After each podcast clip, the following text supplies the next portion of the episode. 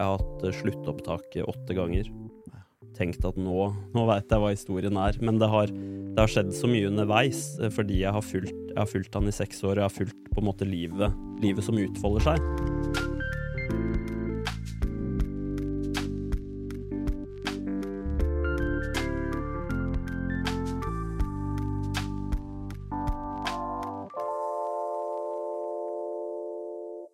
Kjære ørevenner, kjære seere, velkommen til en ny episode av Fotopodden. I dag har vi fått besøk av en eh, dokumentarfilmfotograf, kan vi kalle det det? Ja, Som nettopp har begått en litt større og viktigere film. Eh, velkommen, Anton Ligården. Tusen takk. Du har laget en film, ja, du kan jo snakke om den selv. Den handler om seksuelle overgrep mot barn, så det er jo ikke akkurat noe kosefilm. Nei, det er ikke det, det men uh det er, en, det er, likevel en film som på en måte mm, Eller når man sier det der at man har laga en dokumentarfilm om seksuelle overgrep mot barn, så tenker man jo at det er eh, Det er ganske tragiske saker. Ganske tungt og ikke så veldig lystbetont. Um, det er jo kanskje noe av det liksom mørkeste man kan se for seg, liksom, når noen begår eh, overgrep mot barn, som er liksom forsvarsløse og Ja, det er, mm. det er bare liksom så horribelt på så mange måter. men men jeg har jo kanskje fått en litt sånn annen til, eller inngang til det, fordi eh, Hvis jeg bare liksom snurrer det veldig langt tilbake, da, så vokste jeg opp i Snertingdalen, som er en veldig sånn eh, knøttliten bygd eh, i Gjøvik, utafor Gjøvik, som eh, egentlig bare er skog, og det er lange, store avstander, og det bor nesten ikke Det bor veldig få folk der. Veldig fint sted, men eh, lange avstander, da. Um, og så vokste jeg opp sammen med en barndomsvenn av meg som het Per Arvid, eh, som bodde eh, selv til Snertingdalen og her, så bodde han veldig grisgrendt. Han bodde liksom, var en av de som bodde lengst unna. Utkant-Snertingdal? Ja, ja, da er det utkant. Ja. Eh, så bodde han på en gård og vokste opp der sammen med familien sin og, og, mm, og et par andre familier som på en måte jobba avløsere på gården, som var ekstrahjelp og, og sånne ting. Og jeg var jo veldig mye der da jeg var liten. Så vi var liksom veldig gode venner, og helt fra barnehagen og til ungdomsskolen så hang vi sammen, liksom. Um, og så husker jeg jo uh, Det var jo en veldig fin tid. Um, og så er det jo som, som, med alt annet, når man blir liksom eldre, så, så vokser man jo liksom bare Man glir fra hverandre, ikke sant, og man går forskjellige veier, og, og, og det uh, Jeg skulle jo oppsøke byen og fotograf og liksom prøve andre ting. Jeg var ikke så opptatt av Volvo V70 og gårdsdrift og, og de greiene der. Så, så, jeg prøvde liksom å, å finne en sånn ny identitet, på en måte. Og så gikk jo åra veldig raskt, og, og jeg, plutselig så var jeg liksom utdanna fotojournalist, og, eh, og, så, og, så, fikk jeg liksom plutselig en, en telefon av politiet en dag, eh, mens jeg var oppe i Nord-Norge, i Vesterålen, og bare Superfin dag, akkurat som i dag. Sol og så på fjella og havet og gikk rundt i strandkanten. Og så ble jeg ringt opp av politiet, som liksom spurte om jeg kjente Per Arvid, da. Eh, barndomsvennen min. Eh, og spurte om jeg hadde vært mye hos han på gården da jeg var liten. Eh, og sa ja, det, det hadde jeg. Og så, og så spurte de om jeg huska han mannen som bodde der, som var avløser. Um, og det, det, gjorde jeg også. Og så, og så, spurte han om jeg hadde vært utsatt for overgrep da, av han mannen. Og uten at det er liksom helt sånn Det er jo litt sånn begrensa hva politiet kan si på en måte i en sånn pågående sak, for de skal jo bare sjekke ut egentlig om mm.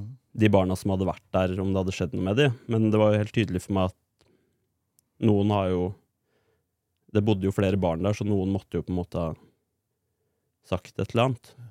Og så lurte jeg på ja, er det, er det Per Arvid, liksom, eh, som var vennen min. Og så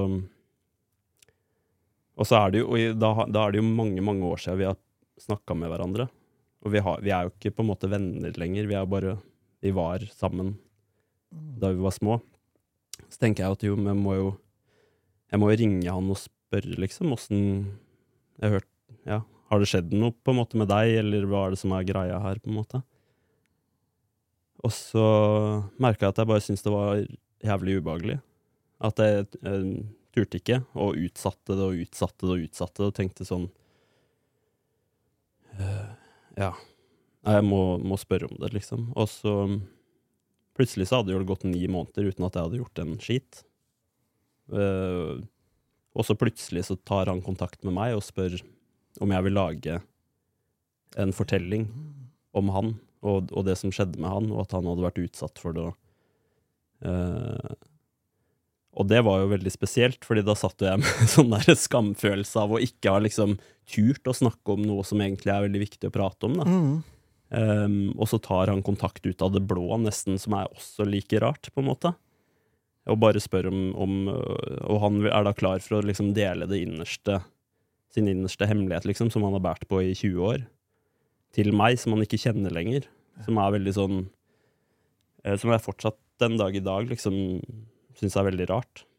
Men hvis du har vært venner med han gjennom, altså fra barnehagen gjennom ungdomsskolen, så kjenner dere jo hverandre, Ja, ja. på en måte. Han kjente, han, kjente meg, han kjente i hvert fall hvem jeg var da, Ja. liksom. Og at vi åpenbart så hadde vi vært masse sammen og spilt Pokémon og sparka fotball og liksom hengt Mm. Men følte du da at du plutselig ikke kjente han fordi han hadde en mørk hemmelighet som Ja, for det, det som jeg følte på, var at jeg hadde jo vokst opp med Fordi jeg fant jo ut seinere at um, han hadde jo blitt utsatt for overgrep fra han var seks til ni år.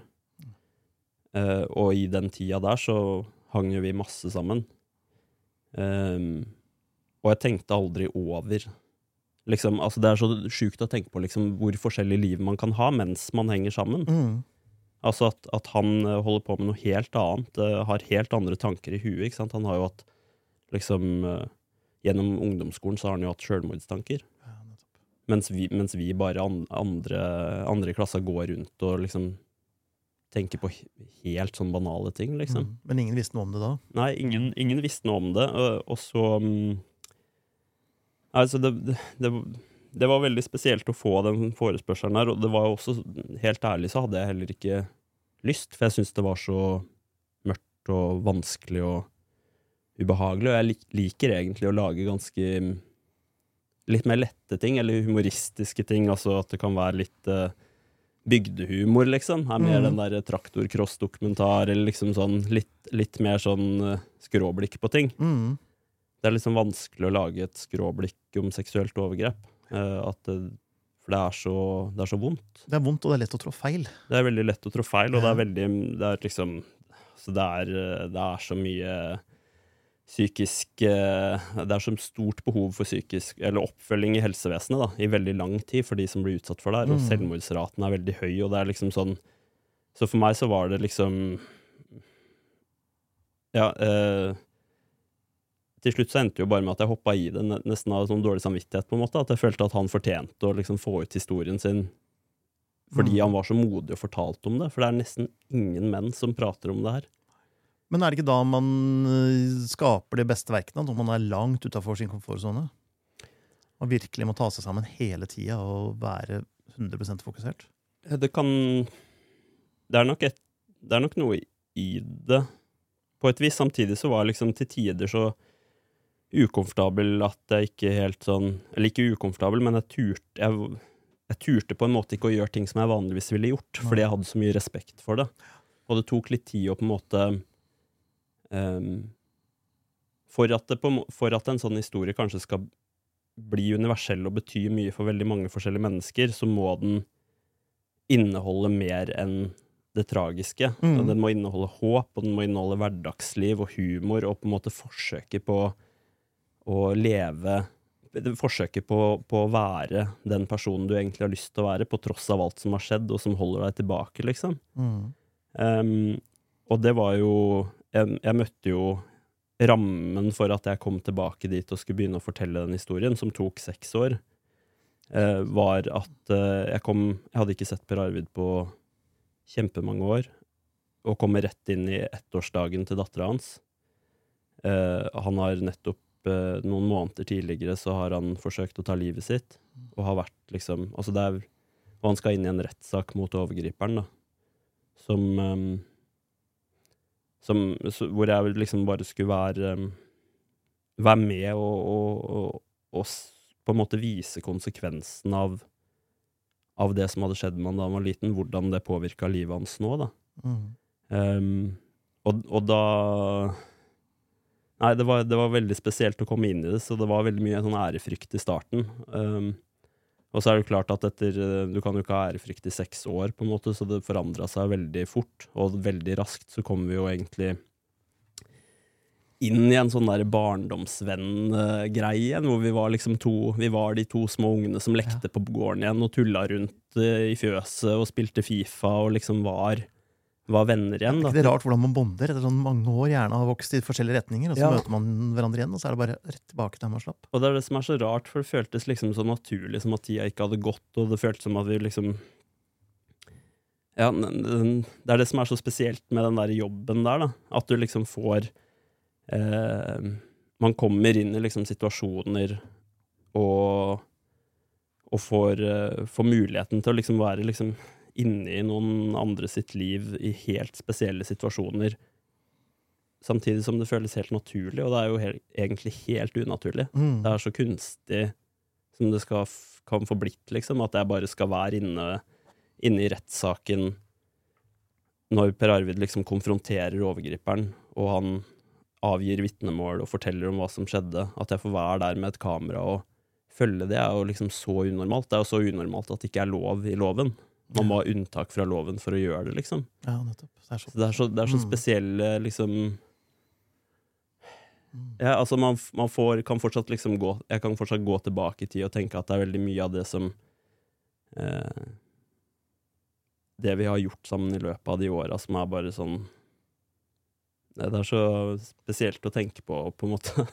Har du begynt i ettertid å tenke tilbake hva kunne jeg ha sett? Kunne jeg oppdaget dette her? Kunne jeg ha sett noen spor? Var det mm. signaler han sendte? Mm. Ja, veldig. Jeg tror det er en veldig sånn naturlig liksom, mekanisme, på en måte, at vi hele tida Fordi eh, han var jo også en fyr som vi på en måte Spesielt gjennom ungdomsskolen kanskje utvikla en form for sånn forsvarsmekanisme med selvironi og liksom rakka litt ned på seg sjøl og var Hadde en sånn type humor som var litt sånn selvutslettende. da. Som jeg har tenkt på i etterkant, at kanskje var det liksom en eller annen måte å liksom gjøre seg sjøl veldig liten og usynlig på, eller liksom, liksom ikke gjøre seg han skulle i hvert fall ikke bli et offer for andre, så han kunne bare gjøre seg sjøl til et offer. Mm, ja, at det var veldig ufarlig. Mm. da. Ja. Men samtidig så er det jo Det var jo en veldig spesiell historie, fordi det var jo en gård hvor det skjedde flere overgrep mot barn. Så Per Arvid var ikke den eneste. Nei, men det var samme overgriper? Ja. ja. Så, um, og det var jo en som jobba, jobba, på gården, som var avløser, som var innleid. Um, og, og, det som var spesielt, var jo at min barndomssønn var den første det skjedde med. Men det skjedde jo flere overgrep i løpet av den tida hvor vi gikk på skolen. Så det var um, Da vi var eh, ti uh, eller elleve år, så ble overgriperen dømt for første gang for et overgrep. Og ble sendt ett år i fengsel. Og så fikk han flytte tilbake igjen på gården, og ble tatt inn igjen. da. Oi. Og så fortsatte det, med totalt seks overgrep, eller mot seks barn. Så det er en veldig sånn Det er veldig mye å um, Det er en forferdelig historie som handler om liksom Den tar inn over seg veldig mye, fordi det Han overgriperen fikk jo en ny sjanse, ikke sant? Altså bot og bedring, du har vært i fengsel. Men hvordan kan eh. foreldrene til Per Arvid akseptere det? De visste kanskje ikke at han hadde gjort det mot De visste ikke at han hadde gjort det mot Per Arvid, men, men, eh, og de tenkte De var nok på en måte litt sånn For det første trodde det beste om overgriperen eller ga han en ny sjanse, som i hvert fall med de brillene vi har i dag, er jo helt Ga jo det aller verste utfallet, på en måte.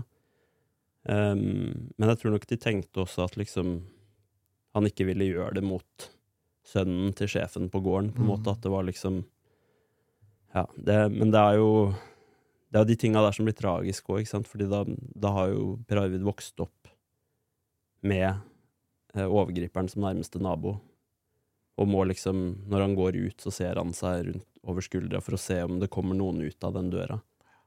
Og det er jo um, Jeg kan liksom ikke jeg, jeg, kan ikke se for meg liksom den følelsen der. Det er mange som kanskje har hatt en litt sånn dårlig som no, kan ha følt seg utrygg på skolen pga. mobbing og sånne ting, og som kan kjenne igjen litt den der følelsen at man ikke helt er trygg på omgivelsene sine, Mm. og som syns at det er eh, Her er jeg ikke trygg, og her trives jeg ikke, og her vil jeg bort ifra. Og det var liksom hjemmet hans.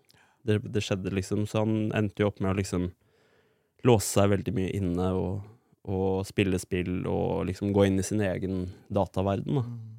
Så det mm, Nei, det er mm, Ja. Men for deg da, som skal, skal dokumentere dette her, altså en, en dokumentarfilmskaper vil jo ofte prøve å være en betrakter. Men i denne situasjonen så er det nesten umulig å være en betrakter, siden du kjente han så godt, og du hadde vært til stede i den perioden hvor dette foregikk. Hvordan skiller du rollene som venn Mm. og, øh, og filmskaper?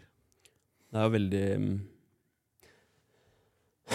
Ja, det er jo et godt spørsmål, fordi det er jo Det er også et um, Det er jo ekstremt liksom Det er kjempeviktig å være ansvarlig. At det fins noen som på en måte kan sette grenser i en sånn prosess. Fordi det handler Det er veldig klisjé å si, men det handler om liv og død fordi det er det. Eh, han har vært innlagt, og han har liksom hatt de tankene om at livet kanskje ikke er verdt å leve fordi det er for vondt. Det har vært for vondt å holde på det her, og jeg tåler ikke Det er vanskelig for han å på en måte tåle å, å, å ha kontroll på alle tankene som kommer da, når han slipper det ut. ikke sant? Mm. Holdt på en hemmelighet i 20 år, og, som er veldig vondt, og så plutselig så er det frislipp, liksom. Um, så jeg det har vært veldig kjempeviktig å på en måte være ansvarlig og på en måte sette grenser og snakke om det. Samtidig så har jeg liksom også vært veldig klar over at det er umulig å skille de rollene. Fordi det er så tett, og det er Jeg er så liksom um, Har en personlig Har en rolle i det fra før, på en måte. Altså at jeg var på gården og var på en måte en del av saken og ble spurt om det hadde skjedd med meg, og sjøl om det ikke hadde skjedd med meg, så var det liksom jeg hadde blitt fortalt, fått høre av foreldra mine etter at han hadde kommet tilbake etter første soning, da, antar jeg. Det veit jeg ikke, men da fikk jeg jo høre at eh, du må ikke være aleine med han. Du må, når du er på besøk der de, Jeg fikk lov til å dra på besøk dit, men vi snakka aldri noe om det. Det var jo ikke noe sånn Det var jo ikke noe vokabular for å snakke om seksuelle overgrep mot barn. Eh, de var sikkert også redd for at vi liksom skulle bli nutcases i huet hvis vi liksom fant, for mye, fant ut for mye. På en måte Mm. Hadde for mye kunnskap om det. Så det var bare beskjeden var å holde seg unna. Ikke være aleine med han. Og vi tenkte jo bare at han var en sånn klassisk ja, ikke sant? Det, er, det er mange rare folk rundt Mhm. omkring som du bare ikke skal være i samme rom med, på en måte. Så det var jo greit, det. Men, men, um, men det som var veldig viktig For jeg kjente jo at Per Arvid og samboeren Anette ga meg veldig mye tillit fra start av. Ehm, som på en måte i, egentlig er en filmskapers drøm. Mm. Å bare få lov til å være til stede mens ting skjer. At de, ingen modererer seg, ingen gjør noe annerledes. Det er bare liksom livet utfolder seg, og jeg får se det. Mm. Um, men det var veldig viktig å liksom også sette grenser og gjøre det veldig tydelig, fordi at hvis de uh, At hvis det var noe som de syntes hadde vært rart eller ukomfortabelt, eller um, som de tenkte litt på etter en dag med filming, så måtte de det var veldig viktig at de sa fra, og jeg spurt, prøvde å spørre de veldig ofte om det. Om um, ja, Bare snakke gjennom hvordan har det vært i dag, liksom. Er det og, og vi snakka også veldig mye om med Per Arvid om hvorfor har du lyst til å fortelle deg, på en måte. Hva er det som er motivasjonen? Fordi det er jo mange som kan ha et bære på historier, og som bare har et behov for å dele, men, Mm. Men som kanskje ikke helt skjønner rekkevidden av hva det vil si å dele, da, og hva skjer da, på en måte? Hva Mm. skjer når du slipper historien din løs til hele verden, og så er den så innmari sår at plutselig er den ikke bare din lenger, men hele verden, hele verden veit om den, da, potensielt, eller har tilgang til den. Um, så vi måtte Det var veldig viktig å snakke sammen veldig mye om det, men samtidig så så var det vanske, vanskelig å liksom skille de rollene som filmskaper og venn, fordi jeg er jo også deltakende i filmen. Altså jeg er jo med i samtalen jeg er med på Ja. kamera. Jeg er liksom Mm. Trynet mitt er også smelt utover der, da, uten at det er så veldig At det, det er jo ikke noe jeg på en måte vanligvis oppsøker, men, men her var det veldig naturlig å være deltakende. Mm. Um, så det Nei, det, det var veldig spesielt, og det Det får jo også en veldig sånn Uten at jeg skal liksom spoile så altfor mye, så får det jo en veldig sånn spesiell ramme etter hvert, fordi utover i filmen, når det har gått veldig mange år, eh, og når Per Arvid etter hvert finner ut at For han Det, det er jo en detalj som jeg har helt glemt å si, men han, han flytter jo tilbake til den gården for å ta over gården. Han gjort det også, ja. Ja, det jo Det, er, det har han jo gjort fra start av, oh. men det er jo sånn Det er så mange ting der, da. Ja. Eh, Så han flytter jo til Det er jo da jeg treffer han. Han, han har tatt over gården og flytta tilbake, og faren hans har nettopp gått bort. Og han skal navigere i det landskapet der, og rettssaken kommer og alt det der. Og så, og så ser jeg jo at det er et helvete å drive på den gården. Det er så innmari mye jobb, og han er jo Den psykiske helsa til Per Arvid er jo um, ikke, Noen ganger tynnslitt, andre ganger grei, men? Hvis, hvis du blir tynnslitt på feil tidspunkt, så kan det gå gærent, da. Mm. Eh, Og jeg så jo eh, veldig mm, ofte at nå er du veldig sliten, på en måte. Samtidig så var han jo på en måte fanga der. Han driver med kudrift og må være, være der hele tida. Mm. Ingen feriedager. Må inn og mjølke på julaften. Og avløser har han kanskje ikke så godt forhold til. ikke, nei, men det er det som er eh, absurde, da, at det er en avløser der som hjelper han helt utrolig Mm. mye. Så han får liksom gjenreist den rollen litt, på en måte. Eller Var dette ute si, i bygda før filmen kom, eller ble det offentlig med filmen? Nei, det var, det var en fortelling som bygda visste om. Ja. Um, men som jeg tror at man ikke hadde snakka så veldig mye om. Fordi det var den tida. Altså, det var eh, 90-tallet til 2000-tallet. Ubehagelig å snakke om. Um, kanskje litt sånn typisk at man på bygda ikke føler så veldig for å snakke om de vanskelige temaene der. òg. jeg, jeg gjorde det jo ikke. Jeg syntes det var kjempeubehagelig å prate om det, liksom. Mm. Så, så det var en fortelling som bygda visste om, men som man på en måte kanskje hadde eh, hvor, hvor veldig mange nok tenkte sitt, men hvor veldig få sa noe. Mm. Uh, og det gjaldt jo også barnevernet, på en måte, som, som lot overgriperen flytte tilbake og ha ansvar for sine egne barn. Da. Mm. Um, For deg som filmskaper, hvordan lager du en dramaturgi og en storyline på et sånt tema? Jeg regner med det er ganske annerledes enn å lage en dokumentar om bestefar som mekker veteranbuss. ja. det, er, det er forskjellig. Um, det var jo en det, det her var jo en film som tok um, Ja, som tok så lang tid å finne ut av. Hvor det har vært så Jeg har hatt sluttopptak sluttopptaket åtte ganger. Tenkt at nå veit jeg Nå vet jeg hva historien er. Men det har, det har skjedd så mye underveis, eh, fordi jeg har fulgt, jeg har fulgt han i seks år, jeg har fulgt på en måte livet, livet som utfolder seg.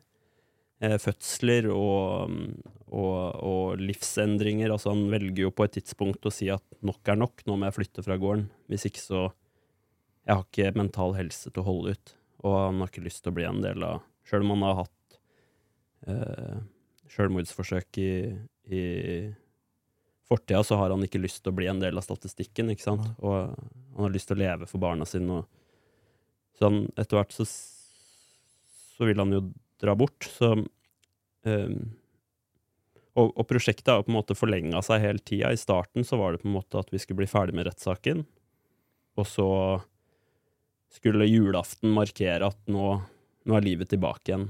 Nå er feiringa med familien, nå skal vi se framover.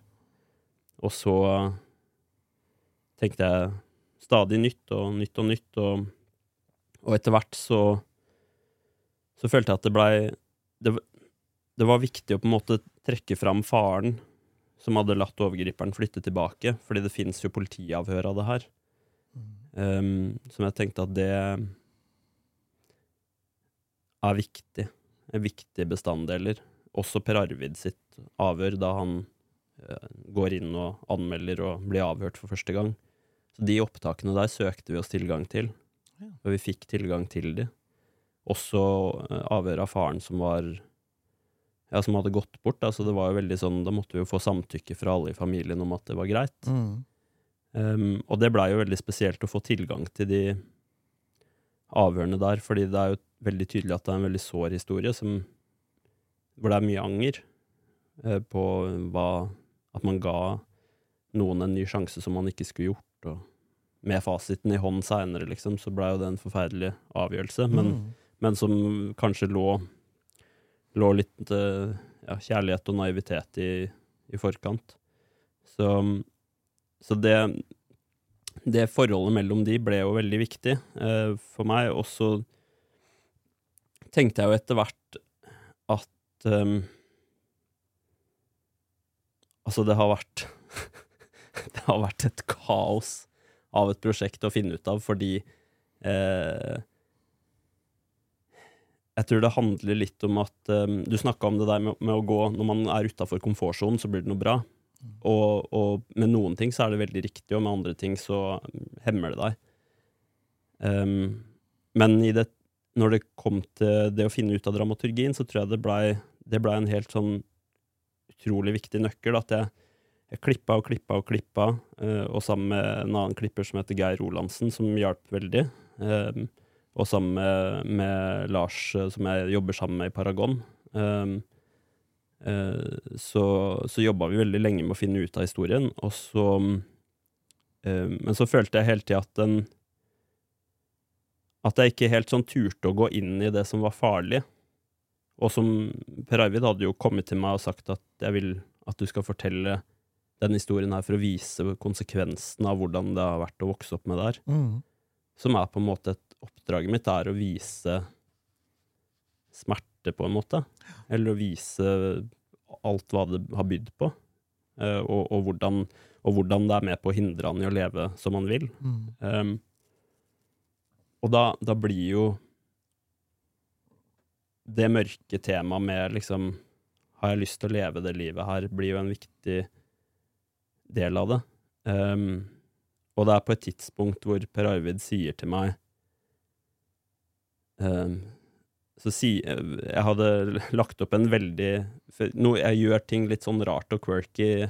Som i Bestefar-filmen, så er det skal liksom være litt sånn rart, og jeg liker at det er litt sånn At man tør å bruke litt humor, sjøl om det er veldig sånn tunge saker. Så tror jeg at det er med på å liksom lette opp litt for veldig mange. Mm. Til, å, til å finne motivasjon til å se det. Så jeg, vi la opp et Vi skulle filme en scene hvor han skulle prate til et bilde av sin avdøde far inni en tom, tom, eh, tomt rom hvor man tørker høy. Som er bare han som sitter med masse rødt lys og, og ser på faren og prater til den. Og så detter det noe lys ned, og så må, kommer jeg inn og henger det opp igjen, og så er det litt sånn Og han syns det er jævlig kleint å prate til et bilde. Mm. Eh, som, men som samtidig er liksom Han er jo en pappadalt, så han, det gjør jo også vondt for han å prate til det bildet, så det er liksom noe på spill. Eh, og, det, og det jeg på en måte har sagt til han da, er at nå må du bare liksom ja, fortelle om livet ditt til faren din, på en måte, fortelle åssen det har gått, hva er det som har skjedd. Og så begynner han, etter mye om og men, så begynner han å komme inn på liksom de forbudte tankene da, om, om livet er verdt å leve eller ikke. Og så sier han på et tidspunkt at en av de tinga som hindrer han i å ta livet sitt, er at han er redd for å bli glemt. Mm. Og det er jo sånn, det er også paradoksalt, fordi da sitter jeg, jeg sitter jo der i det øyeblikket og lager en film om han, som gjør at han ikke kommer til å bli glemt. Mm. Og så begynner jeg jo da å tenke på sånn Har han tatt kontakt med meg For å for å kunne på en måte Ja. gjøre det lettere å forsvinne, på en måte? Ja, Oi, den er tøff. Ja, den, og, og, og da Det er jo litt den derre Den um, feigheten som jeg snakka om tidligere, med at jeg ble ringt opp av politiet, og, og, og at det drøyde så lang tid. Jeg klarte ikke å ta kontakt med Per Arvid. Mm. Så sitter jeg på en måte der med den samme følelsen igjen. At her er det, det her må jeg snakke med deg om. Men jeg syns det er så ubehagelig å tenke at han har tatt kontakt med meg for å Ja. Og hvis det var derfor, så ville han ikke sagt det til deg. For da ville du gått ut døra og ikke fullført Ja, filmen. ja. Og så, og så tenker jeg på det, og så begynner jeg bare å liksom avfeie det. Og tenke sånn, nei, men han mener ikke, nei. Kanskje han bare er litt sånn dramatisk, på en måte. Eller sånn. Det er jo sånne tanker man kan tenke når man har vært med et menneske i seks år og føler at man kjenner Kjenner det veldig godt. Og så Så jeg tar, jeg tar bare og kveler den tanken, og så går jeg tilbake og klipper. Klipper og klipper og klipper. Og så nærmer vi oss liksom at filmen blir ferdig, og og, og enn så lenge der så er filmen en happy ending, på en måte. Han flytter bort fra gården og oppsøker Han skal flytte til Trondheim, og, og livet går sin gang, liksom. Det er nytt liv. Mm. Bort ifra gården, bort ifra alt det tunge. Eh, og jo nærmere jeg kommer, så tenker jeg jo at her, jeg ikke, her, her er det et eller annet som føles veldig sånn ufullendt. At jeg ikke har turt å ta tak i det som kanskje er det store og, og viktige spørsmålet. da. Som jeg ikke jeg har ikke tatt med det i filmen i den klippen heller, fordi jeg tør ikke. Jeg, eller jeg veit ikke hvordan jeg skal forholde meg til det. Som er en veldig uansvarlig ting, da. Det er ikke profesjonelt liksom å bare feie det der bort, men det føltes så ubehagelig å, å ta det med. Eller, eller å gjemme det, på en måte. Mm. Um, og så kommer jeg liksom til det at jeg må spørre han om det, da. Um, og det er liksom, liksom resultatet av den samtalen der, hvor jeg, jeg rigger opp en, en bil full av kameraer, og vi skal liksom ha vår sånn gutteprat, liksom, om øye til øye, liksom. Eh, og så nok en gang rygger opp mange rare lys som skal lage en eller annen rar stemning, og så sitter vi der liksom foran Jafs i Snertingdalen på en parkeringsplass som er tom, og skal prate om det her, da. Um, og det merka jeg at det var så jævlig vanskelig å spørre om. For jeg var så redd for hva han ville Eller jeg hadde på en måte tenkt at sånn I mitt sinn så hadde jeg tenkt at nei, men han, han mener det ikke. Men så er det den lille usikkerheten rundt om det er noe der, som Mm. gjør det så vanskelig. Um, så det var en eh, Det var en veldig spesiell samtale å ha. Du fikk spurt han, Ja. og han ga deg et svar som virket Han ga meg et svar som var eh, ja, Det føles nesten litt rart å ikke Det er vel Når vi snakker det er så, jeg, jeg hater sånn å, å si A, B, C, D, E og ikke fullføre, liksom, men um, Jo, men det han sa da, var jo at han hadde tenkt på et tidspunkt å ta livet sitt med en gang filmen var ferdig. Så han hadde liksom Han hadde Så han hadde tenkt det, men han hadde ikke tenkt det fra start av. Det var ikke derfor han hadde spurt meg, men livet hadde bare gått ned i en kar... Altså, han hadde gått, det var så berg-og-dal-bane, at Til slutt Mm. så hadde han på en måte ikke noe sånn Han tenkte bare OK, men nå får vi ut filmen, og så får jeg fortalt historien min. Jeg, kanskje jeg kan hjelpe noen andre til å se at de ikke er aleine, liksom. At de, det er andre som bærer på det her. Menn, menn som bærer på det, som klarer å prate om det, liksom. Og så hadde han følt at da var han ferdig med oppdraget sitt, liksom. Ja, for det setter du deg i et helt umulig etisk dilemma. Ja. Skal du fullføre denne filmen, publisere denne filmen, og fortelle andre at de ikke er alene, osv., og, så videre, og så, Ja. på grunn av det, så blir hans kone og barn etterlatt aleine? Mm. Ja, da har han jo tre barn, ikke sant. Og jeg, Ja. jeg har blitt fadder til et av de. Ja. Og så tar du det på din kappe at han tar livet av seg? Det går jo ikke an å forholde seg til sånt. Men det er jo Det er det som er så absurd. Hvorfor løp du ikke bare din vei med en gang og gjemte deg under en stor stein? liksom? Nei, men det er jo det at han Han forteller jo Han har jo sin, sin egen cliffhanger-måte å prate på, da, hvor han liksom går en lang runde og forteller om det her, og jeg sitter jo bare og ender opp med å grine i bilen, ikke sant, og har sånne derre eh, stygge elefanttårer, hvor jeg liksom Jeg blir en fyr som griner på kamera i en film jeg egentlig ikke har tenkt å være med i. Mm. eh, som føles veldig sånn um, Litt for mye, da. Um, men jeg syns det er så vanskelig å forholde seg til, og så bare forteller han om hvorfor at han ja, vært, At det er, det, det er for mange vonde tanker, og at han bare har hatt lyst til å gi slipp på alt, liksom. Men det her er jo etter at han ehm, har solgt gården og flytta bort. Så han sier jo det at Jeg spør han Eller han sier det da at Men jeg har ikke de tankene lenger.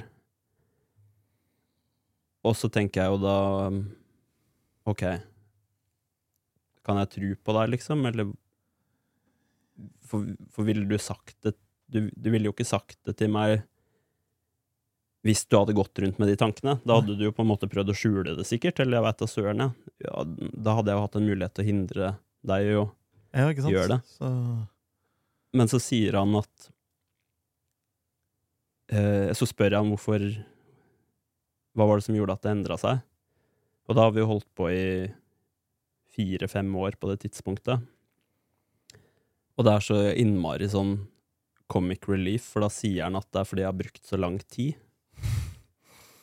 Så han har, han har fått solgt gården og kommet seg videre i livet. Han har kommet seg ut av alt det tunge. Så min sånn derre ekstremt dårlig samvittighet over at jeg har brukt så lang tid, og jeg har fucka opp alt, og han har mast og mast og mast. Hvordan går det med de søknadene? Har du fått støtte? Blir det noe film? Og, og han har liksom gått så lei, da. Og liksom virkelig mista det på Eller sånn, vi mista trua på meg, da. Barndomsvennen som han har liksom engasjert for å lage en film. mm. Og så sier han det der liksom at jeg brukte så lang tid, så han rakk å komme på bedre tanker. Han rakk å flytte bort, han rakk å, å kvitte seg med den der tunge børen som det å drive gården var, da. Hvor som var liksom minnene av oppveksten, på en måte, som han konstant blir påminnet om, hvor han fortsatt går og ser seg over skuldra.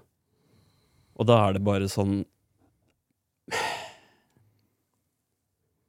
Det er liksom Det er så utrolig absurd at det å for Der sitter jeg der bare som jeg, skikkelig sånn ut av deg sjæl-opplevelse, hvor du bare liksom Du klarer ikke å ta inn over det, det i det hele tatt, på en måte. ja, og du blir jo en del av historien. Ja, ja. En helt avgjørende del av historien. ja som, som er liksom ut, uten, uten å i, det hele tatt hatt Ja. muligheten til å vite noe om det underveis. Hadde du gjort filmen på to måneder, så kan det være at han hadde benyttet anledningen. Ja, og det er jo det som liksom gjør det så Ja, men det er jo det, det, er jo det som gjør, gjør det veldig spesielt, da. På en måte at det er eh, At livet er liksom så jævlig sjukt noen ganger. At, at det blir sånn der det, det er så rart. Det går ikke an å Du kan ikke skrive det der i en fiksjonsfilm. Det føler, for det virker så urealistisk. Det virker så over the top. Og så ender det med at han kaller, sier at jeg er det omvendte av en ambulansearbeider. Når vi sitter i bilen der. Og så spør jeg hæ, redder ikke de livet òg, liksom? Jo, men de gjør det med å være raske. Du gjør det med å være treig. Og jeg bare sånn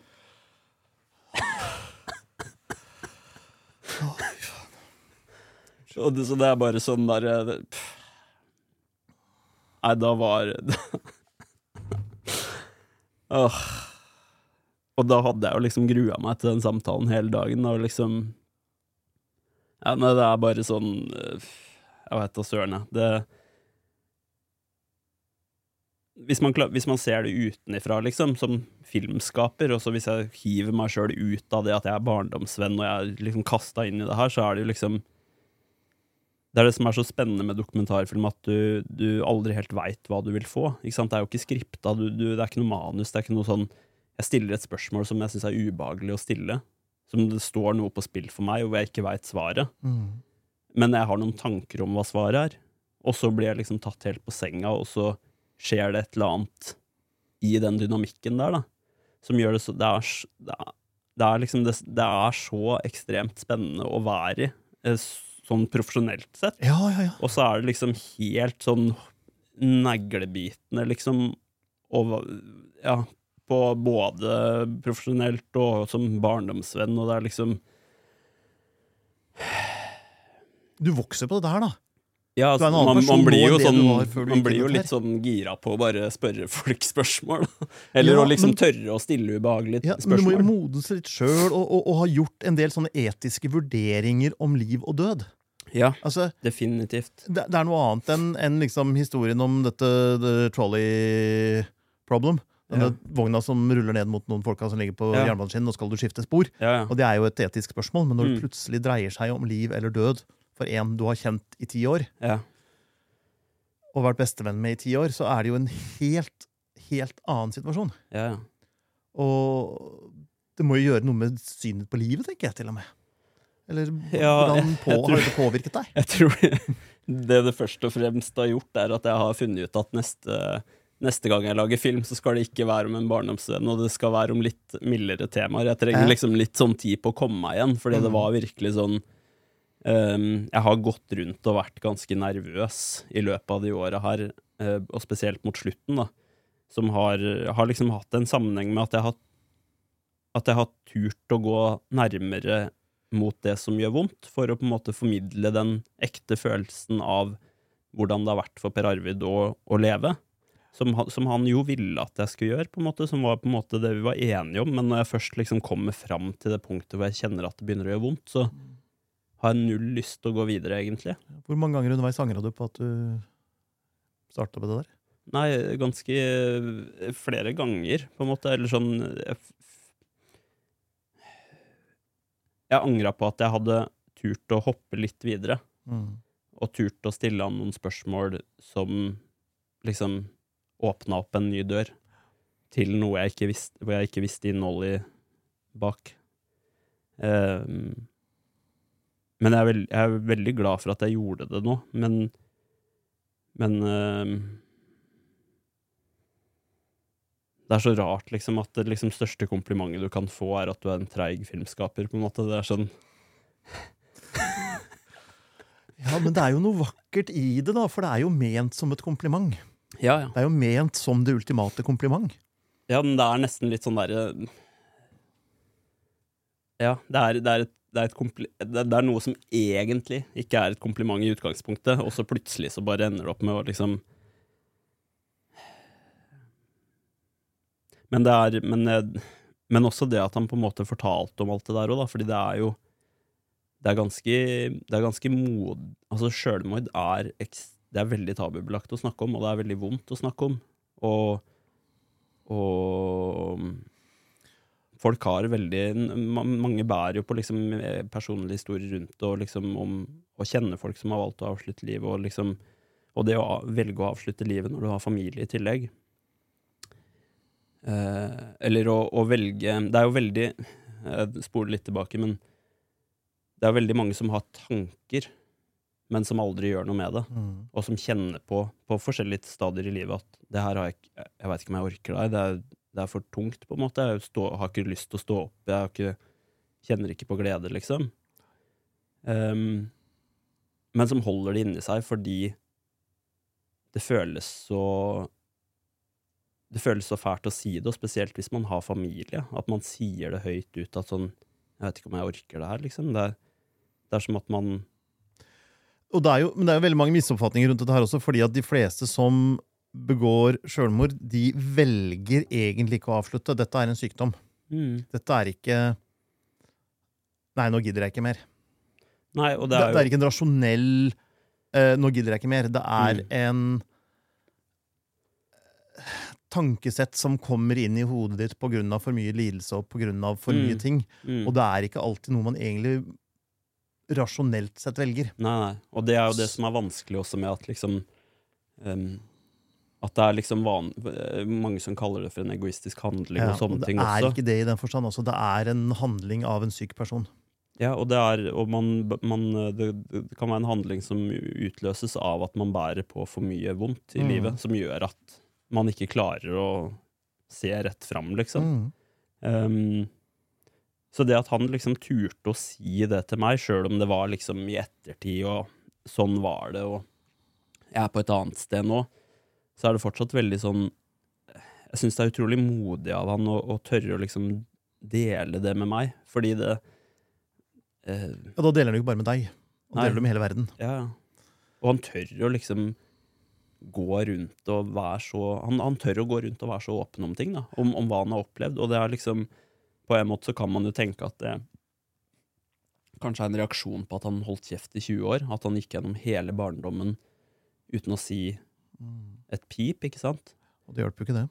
Nei, og det gjorde det sikkert bare enda verre, men det var en forsvarsmekanisme som funka helt ypperlig for han akkurat der og da, følte han sjøl. En måte å ha kontroll på det. Men, men det å liksom Og det har jo sikkert på et eller annet vis skapt et behov for å liksom Jeg har holdt nok kjeft. Nå skal jeg fortelle om hva det har gjort med meg. Mm. Um, altså, jeg, ja, det er bare så Jeg syns det er så modig Jeg kunne jo jeg, jeg tror ikke Jeg hadde ikke turt å være så Liksom dele sånne ting. Nei, og, og, og det blir jo et problem, fordi at alle kjenner han jo som den vanlige personen. Mm. Og så plutselig så framstår han på en annen måte, og folk begynner å se på han som et offer. Og veldig mange synes jo dette, I og med at det er så tabubelagt, så er det veldig mange som syns det blir vanskelig å snakke med han. Mm. Og han vil helt garantert oppdage at veldig mange av de han kjenner, vil se på han på en annen måte. Mm. Og behandle på en annen måte. Mm. Og en del vil kanskje ikke ønske å ha kontakt med han mer i det hele tatt, for de syns det blir for vanskelig. Mm. Og jeg vet ikke i hvilken grad han opplevde det, men det er ikke så uvanlig blant folk som er blitt utsatt for sånne ting. At det skjer Nei, når man kommer det- ut av skapet, og plutselig så de du trodde var vennene dine, er der plutselig ikke lenger for deg engang. Ja, fordi de tør ikke, på en måte. Det var jo som meg at jeg ikke turte å ta kontakt Ja, med ham. Da. Du har, blitt utsatt for, Ja. har du blitt utsatt for overgrep? Jeg tør ikke å spørre det spørsmålet. Nei. Fordi det føles uh, Føles som jeg går over en grense, på en måte. At jeg, har ikke lov til å stille de spørsmåla. Og samtidig så tror jeg også det som var litt godt for han i den samtalen vi hadde i bilen, er jo også det at han syntes det var godt at noen spurte han om han hadde tenkt å ta livet sitt. I Mm. stedet for at det er noe han sjøl må aktivt fortelle til andre. Det er lettere å si ja enn å si Mm. 'jeg har tenkt Jeg veit ikke om jeg vil leve lenger', på en Mm. måte. Så, så og, Men det som har vært så vakkert, på en måte, at vi har jo vi har vokst opp i en sånn barndomsvennegjeng i Snertingdalen som eh, Som jeg har jo mista jo helt totalt kontakten med de og flytta ut og begynt på foto og mm. liksom uh, hang mer på foto.no enn i Snertingdalen, liksom. Uh, Shout-out. men men også, også har jeg liksom tenkt at nei, men vi er, vi er så forskjellige, vi. vi. Vi har ikke noe felles grunn, liksom, og de er opptatt av helt andre ting enn jeg er opptatt av. Uh, og, og i arbeidet med den filmen her, så har vi på en måte tatt opp igjen kontakten og liksom møttes en gang i året og spilt Fifa og liksom Og så er det jo også tilbake til gamle dager, eller kanskje enda bedre enn i gamle dager, fordi det er liksom sånn det er ikke en gjeng med usikre tenåringer som prøver å finne ut av alt av hvordan verden funker og sånn, men det er mer sånn folk som familiefedre som er litt sånn satt i livet, og som bare syns det er gøy å møte barndommen igjen, på en måte. Ja, og for han så er det jo også Nå blir jeg hobbypsykolog her igjen, men eh, de gode minnene fra barndommen. Mm. Og hvis det er noe han sikkert trenger som for å hele som terapi, så er det jo å minnes de gode hendelsene fra barndommen. Ja, for han, det gjør noe med dette. han har jo hatt et Han har jo De første minnene han, når han har tenkt tilbake på barndommen, har vært overgrepene. Så han har på en måte hele tida måttet bla seg forbi for å finne noe godt. Mm. Og det er jo veldig slitsomt, ikke sant, hvis du hel... uh, og han har jo tenkt på barndommen ofte av hva som skjedde i barndommen. Mm. Og hvis du hele tida på en måte må ta en sånn stor sving rundt det forferdelige som skjedde, at du ikke, og kanskje ikke engang klarer å svinge rundt, det bare kommer deg som blaff fra fortida, liksom, Mm. så er det veldig slitsomt. Og, og, men det som også var så fint med den barndomsgjengen, er at liksom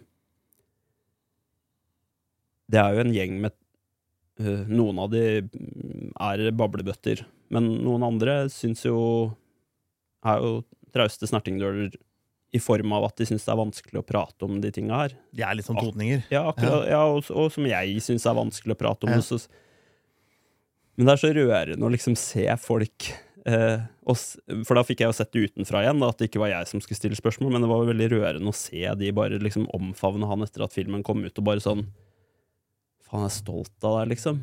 Stolt over at du tør å dele det der, og faen, at du har gått og båret på det der, liksom. At vi ikke har fått prate om det, bare føles så jævlig vondt. De bare var folk som du tenker er liksom tøffe som stål, og så er de oppløst i tårer etter å ha sett det, fordi det er bare sånn Det blir jo veldig personlig, eh, fordi de har stått på utsida og liksom ikke visst. Og det har jo gitt liksom oss en mulighet til å liksom bare Rett og slett bare prate mer sammen om de tinga der òg, og liksom spille Fifa og være sur over eh, eh, resultatet, men også klare å ha en samtale på sida av det om åssen det går. Eh, så det er en veldig sånn det har, For meg så har det også gjort at jeg har fått tilbake liksom en del barndomsvenner. Ikke bare Per Arvid, men også flere av de andre. Så det er eh, Ja, det har vært en berg-og-dal-bane, altså. Det tror jeg på. Vi skal litt mer inn på det filmatiske. Hvordan finansierer du et seksårsprosjekt som ingen har bedt deg om å lage? I hvert fall ingen med penger. Nei, det er jo det som er utfordringa. At det er jo eh, Det har jo vært en veldig lang prosess for å få det til. Og så har det jo Jeg jobber jo i et selskap som heter Paragon, som jeg jobber sammen med Lars Øverli, som er liksom min partner in crime. Så vi har jo liksom eh, Det er jo i, i, Paragon at jeg har gjort filmen, og som har gjort det mulig å, å lage filmen, fordi vi har hatt faste jobber der og gjort det kommersielt oppdrag og, og finansiert det på, på, det viset, da, i hvert fall mm. den starten av det. Og så har det jo liksom vært en Det har jo vært en jobb med å finne finansiører av det. Vi har jo eh, veldig Vi har jo et veldig godt eh, eller nært forhold til Aftenposten, fordi vi eh, for veldig mange år siden, i etterkant av 22. juli, så reiste de som da starta Paragon, som var Alexander Andersen og Martin Slåttmo Lyngstad og Lars Øvli, de kjøpte seg en buss og reiste rundt i hele landet i tre år, uh, og levde på bussen for å dokumentere eller portrettere ungdomsmiljøer i etterkant av 22. juli, og finne ut av hvem hva, hva er det mangfoldet som Anders Behring Breivik ville at skulle forsvinne? Mm. På en måte, Hva er det som, hva som fins i det landet her? Um, så det, det var jo på en måte selve utgangspunktet for det uh, for, for uh, Paragon. At de, og, og, som også var min inngang til det, for jeg kom inn og redigerte de filmene som var 18, 18 fortellinger om norsk ungdom. da, Fra uh, Karasjok i nord til Mandal i sør. og innom det ene og det andre. Var det folk som hadde vært på Utøya, eller? Ja, altså På hvert sted så var det en person som hadde vært på Utøya, mm. eller som hadde mista noen på Utøya. Ja. Uh, og så var det um, de andre fortellingene fra hvert sted var på en måte mangfold av ungdom, altså mm. som hadde forskjellige ting, enten det var uh, vanskelige ting eller kuriøse ting, eller var liksom bare et digert, uh, digert veggmaleri av liksom ungdommen, da. Mm. Som var uh, utrolig fascinerende å jobbe med, og som bare var sånn Jeg husker jeg drev og satt inne på Youngstorget og klippa det på det som da var tidenes varmeste norske sommer, og satt der i bar overkropp med to liksom vifter som prøvde å ja, eh, avlede svetten min fra å mm. løpe ned på tastaturet. Um, men det kom jo på Aftenposten, og ble publisert der. Uh, og det var liksom en helt sånn superfin opplevelse, hvor det var liksom hele A-magasinet ble via til, til, det prosjektet, som liksom aldri skjer. Som var helt sånn så utrolig Man føler seg så liten som en enkeltperson når man ser hva liksom en sånn stor publisering kan gjøre. Da. Altså hvor langt det når ut, og, og det kommer i Stavanger Aftenblad, Bergens Tidende, Adresseavisa, hele prosjektet. Um, og da publiserte vi jo de 18 filmene hos um, Jonas Brenna, som er liksom innkjøper og primus motor for video uh, i Aftenposten. Um, så jeg hadde et veldig godt forhold til han, så når jeg etter hvert kom inn fast forward inn i det prosjektet her etter hvert, så presenterte jeg liksom, eller fortalte liksom bare hva jeg dreiv med. At jeg, for jeg satt, hadde jo bare satt i gang med det prosjektet her, og det var sånn work in progress. Um, og da var jo han veldig tydelig på at det her skal jeg, her skal jeg være med på. Liksom. Det her vil jeg publisere. Det her er liksom for oss. Mm. Um, så helt siden da så har han egentlig vært liksom tidenes backer, og bare liksom sagt at det her skal vi få til, og, og vært liksom hovedfinansiør, da. Og liksom øh, Ja, bare gitt så mye støtte til det. Og så har vi jo vært avhengig av å få inn mer også, så vi har jo søkt um, Fond for lyd og bilde og fått der, og Viken Filmsenter har vært inne. Fritt Ord, eh, Bergesen-stiftelsen. Og så er det jo er det jo veldig vanlig også å få Altså i filmmiljøet så søker man jo alltid Norsk Filminstitutt, som er liksom den store top dog, liksom. Mm. Eh, men det prøvde vi to runder, men ikke, kom ikke gjennom der. Så det Vi har liksom måttet ja, For du skulle hatt Tom Cruise i hovedrollen? Da hadde du antagelig Ja, men det er jo liksom De har så utrolig mange prosjekter å støtte, og så det, kommer det bare an på liksom ja, hva, hva, er det som tikker av boksene hos den enkelte som skal gi tilskudd? Mm. Um, og så har jo på en måte prosjektet utvikla seg veldig mye underveis òg, så det er liksom jeg tror at prosjektet, filmen sånn som den endte opp som, og etter at vi på en måte hadde hatt alle de der turning pointsa som som blei ganske ja, spesielle, så, så var jo filmen en helt annen en.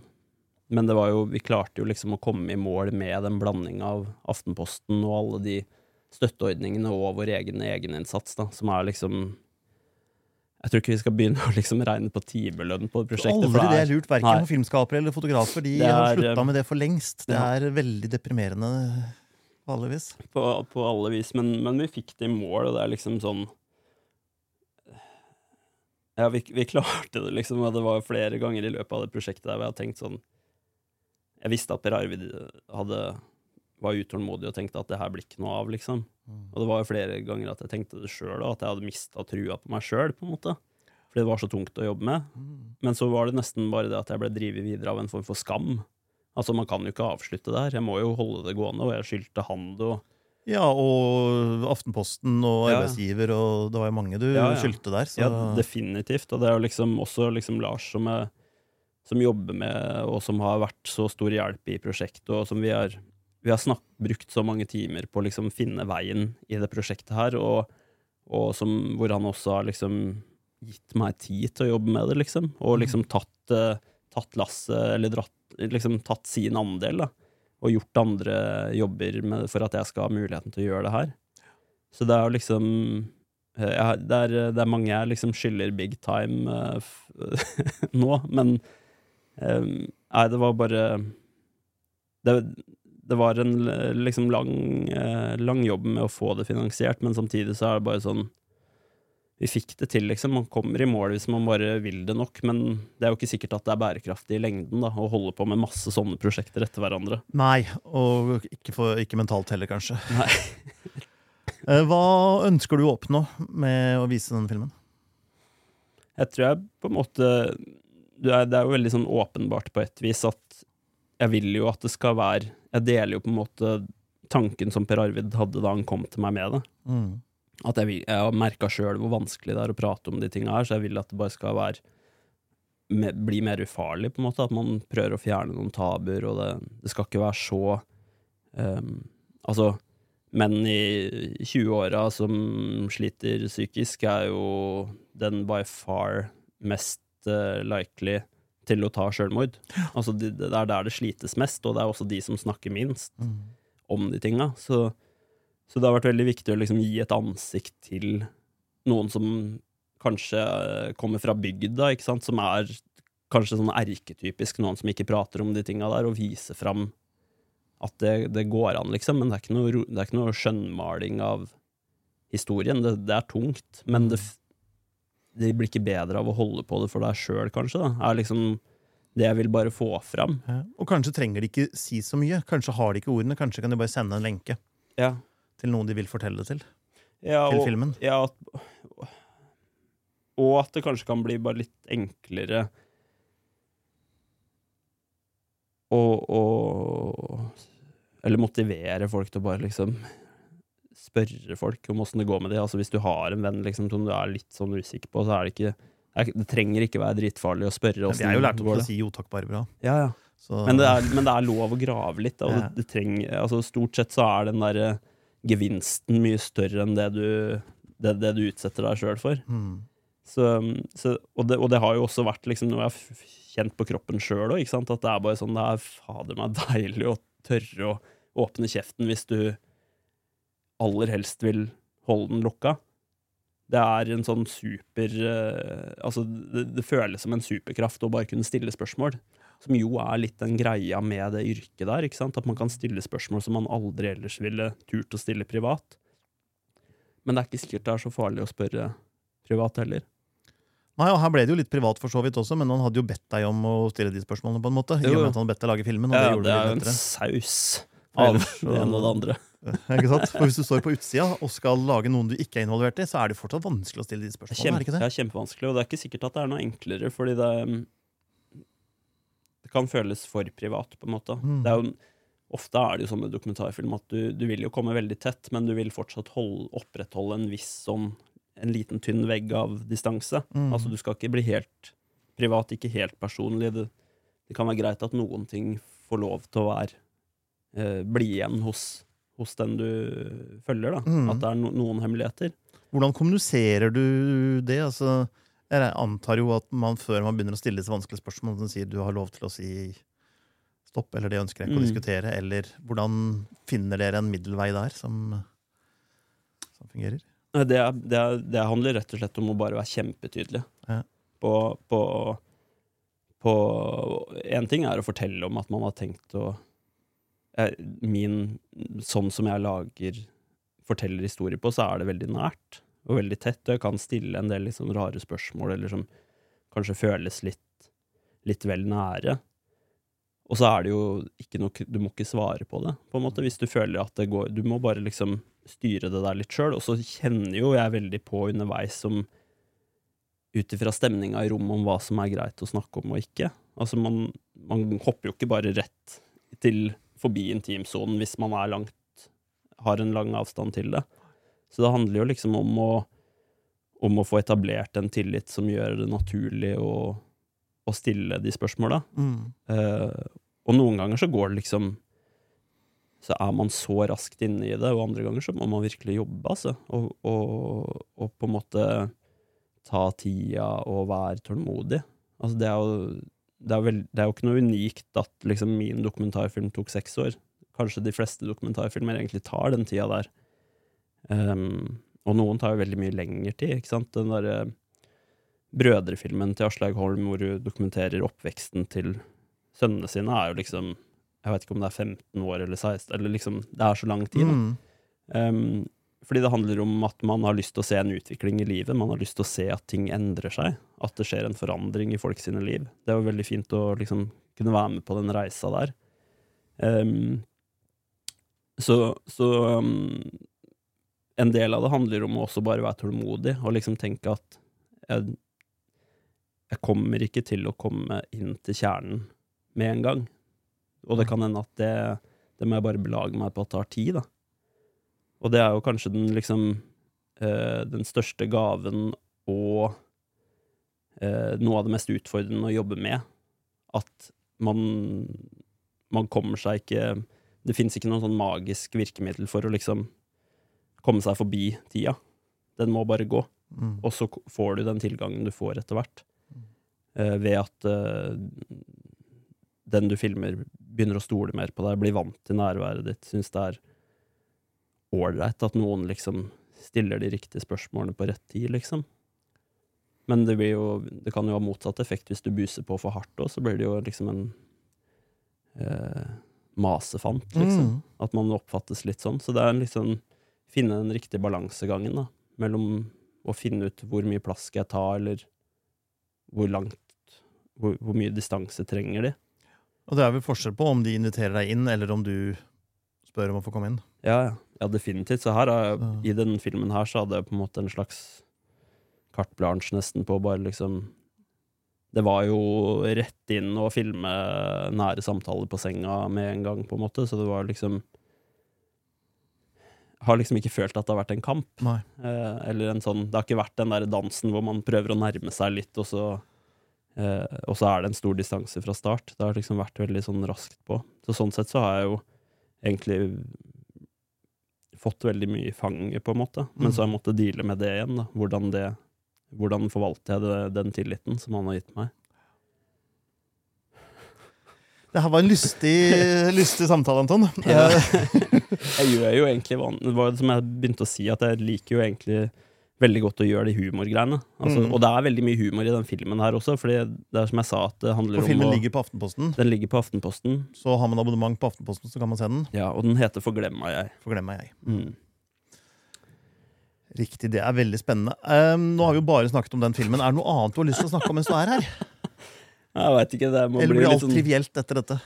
Um, Nei, jeg veit da søren, jeg. Det er liksom eh, Jeg syns i hvert fall det er veldig sånn Det er veldig godt å få prata ordentlig om det her, fordi det liksom Det, det tar litt tid å hoppe liksom inn i det, og så ehm, Og så er jeg jo veldig glad nå for at jeg har kommet meg ut av det, på en måte, og har liksom litt sånn eh, Muligheten til å gjøre andre prosjekter, og liksom eh, Som kan være veldig mye kortere. Jeg var liksom tre dager i Kautokeino nå sist uke for å lage et prosjekt om unge samer, som skal være liksom læringsmateriell for videregående skole. Og det er, bare sånn, det er så deilig å bare hoppe inn og ut.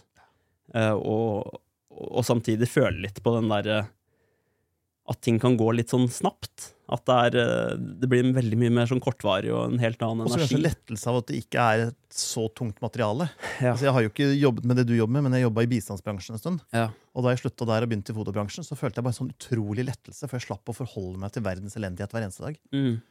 Og selv om jeg ikke var midt i feltet og gjorde alt mulig sånt, så var det bare sånn å, så deilig å kunne forholde seg til et kamera eller et bilde Mm. i stedet for sult og elendighet.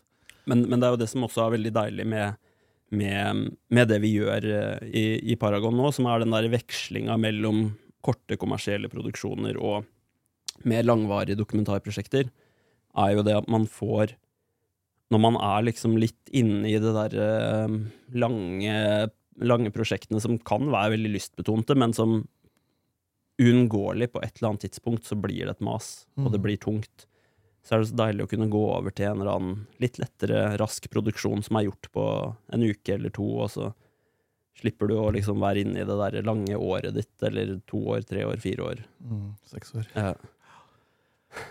Når du legger deg om kvelden, tenker du 'Jeg har redda liv med denne filmen'. Fy faen, så bra. Tenker du det? Nei, jeg, ikke, det jeg, jeg, jeg, gjør, jeg gjør ikke det, egentlig. Altså, jeg, jeg tenker at sånn ting Den rekkefølgen som ting skjedde i, gjorde at han valgte å leve, liksom. At han ikke Ja, men en ting er han. En annen ting er andre som tør å snakke om det, eller tør å gi beskjed og tør å Det er, Ikke sant? det det er liksom er jo- vanskelig å ta så, og liksom kjøre det ut så stort, på en måte, men jeg tenker at det er jævlig viktig at, at den historien kommer ut, og at Mm. andre kan se at de ikke er aleine. Fordi det er jo problemet med at folk holder det for seg sjøl, er også at de ofte tenker at de er sjuke. De sitter på sjuke tanker, kanskje er det noe de har innbilt seg, kanskje og, og, og det hemmeligholdet fører jo liksom ikke noe godt med seg. Man, det er ikke det at eh, eh, at man nødvendigvis trenger å snakke om det hele tida, men det kan være en enorm hjelp i å bare få uh, liksom uh, få løs ventilen, på en måte, altså bare få det ut en gang. mm. Bare ha fått det bort. Og alle tror tidspunkt. at ingen vil høre om det. Ja. Mens alle gode venner og nære relasjoner vil jo egentlig vite hvis du går og bærer på noe sånt. Ja. Og det er det man fort glemmer oppi dette her. Å nei, vi har jo lært at vi skal ikke være til bry. Nei, Mm. men da lar jeg være å være til bry, da. Ja, ja. Jeg kan bære dette sjøl, jeg. Og så bærer man det sjøl, og så klarer man ikke det. Og det er det som er så det, det, er, det er det som er så flott med filmen, at jeg har fått flere tilbakemeldinger fra liksom, folk som har kontaktet meg direkte og sagt liksom, at etter at de så filmen, så har de bestemt seg for å ta tak i sin egen historie. Mm. Og gjør noe med det, fortelle om det til sine nærmeste, liksom. Og det er jo ikke sånn at eh, hvis man bærer på noe som man har uh, holdt lokk på, så er det ikke sånn at du Eller lagt lokk på, så trenger man jo ikke å Det er jo ikke sånn at du må liksom kringkaste det til hele verden, men det kan være veldig Snarere tvert imot. Man bør ikke det, kanskje. Nei. Men Eller det kan være veldig slitsomt. Men man bør dele det med noen. Og det er så Det er jeg vært, blitt veldig takknemlig for, i hvert fall, at det liksom Det er jo en klisjé å si sånn der, liksom, ja, hvis det kan gjøre livet lettere for én person, så er det verdt det, på en måte. Um, men samtidig så betyr det ekstremt mye å få de der tilbakemeldingene av folk som sier at 'nå har jeg sett filmen, det gjorde noe med meg, jeg bærer på noe sjøl, og nå skal jeg gjøre noe med det'. Mm. Det var ganske gode ord å avslutte på det, tror jeg. Ja. Tusen takk, Anton, for at du tok eh, belastningen og tida. Takk for at jeg fikk komme, og eh, det er kanskje ikke akkurat de temaene der dere prater mest om her, men det var veldig ja, veldig fint å få lov til å prate om det. Og takk for at jeg liksom fikk komme og Jeg tror det er viktig å ha sånne prater av og til. Ja. Ja. Snakk med noen. Ikke bær på det sjøl. Tusen takk for at du så på, hørte på. Vi ses. venner.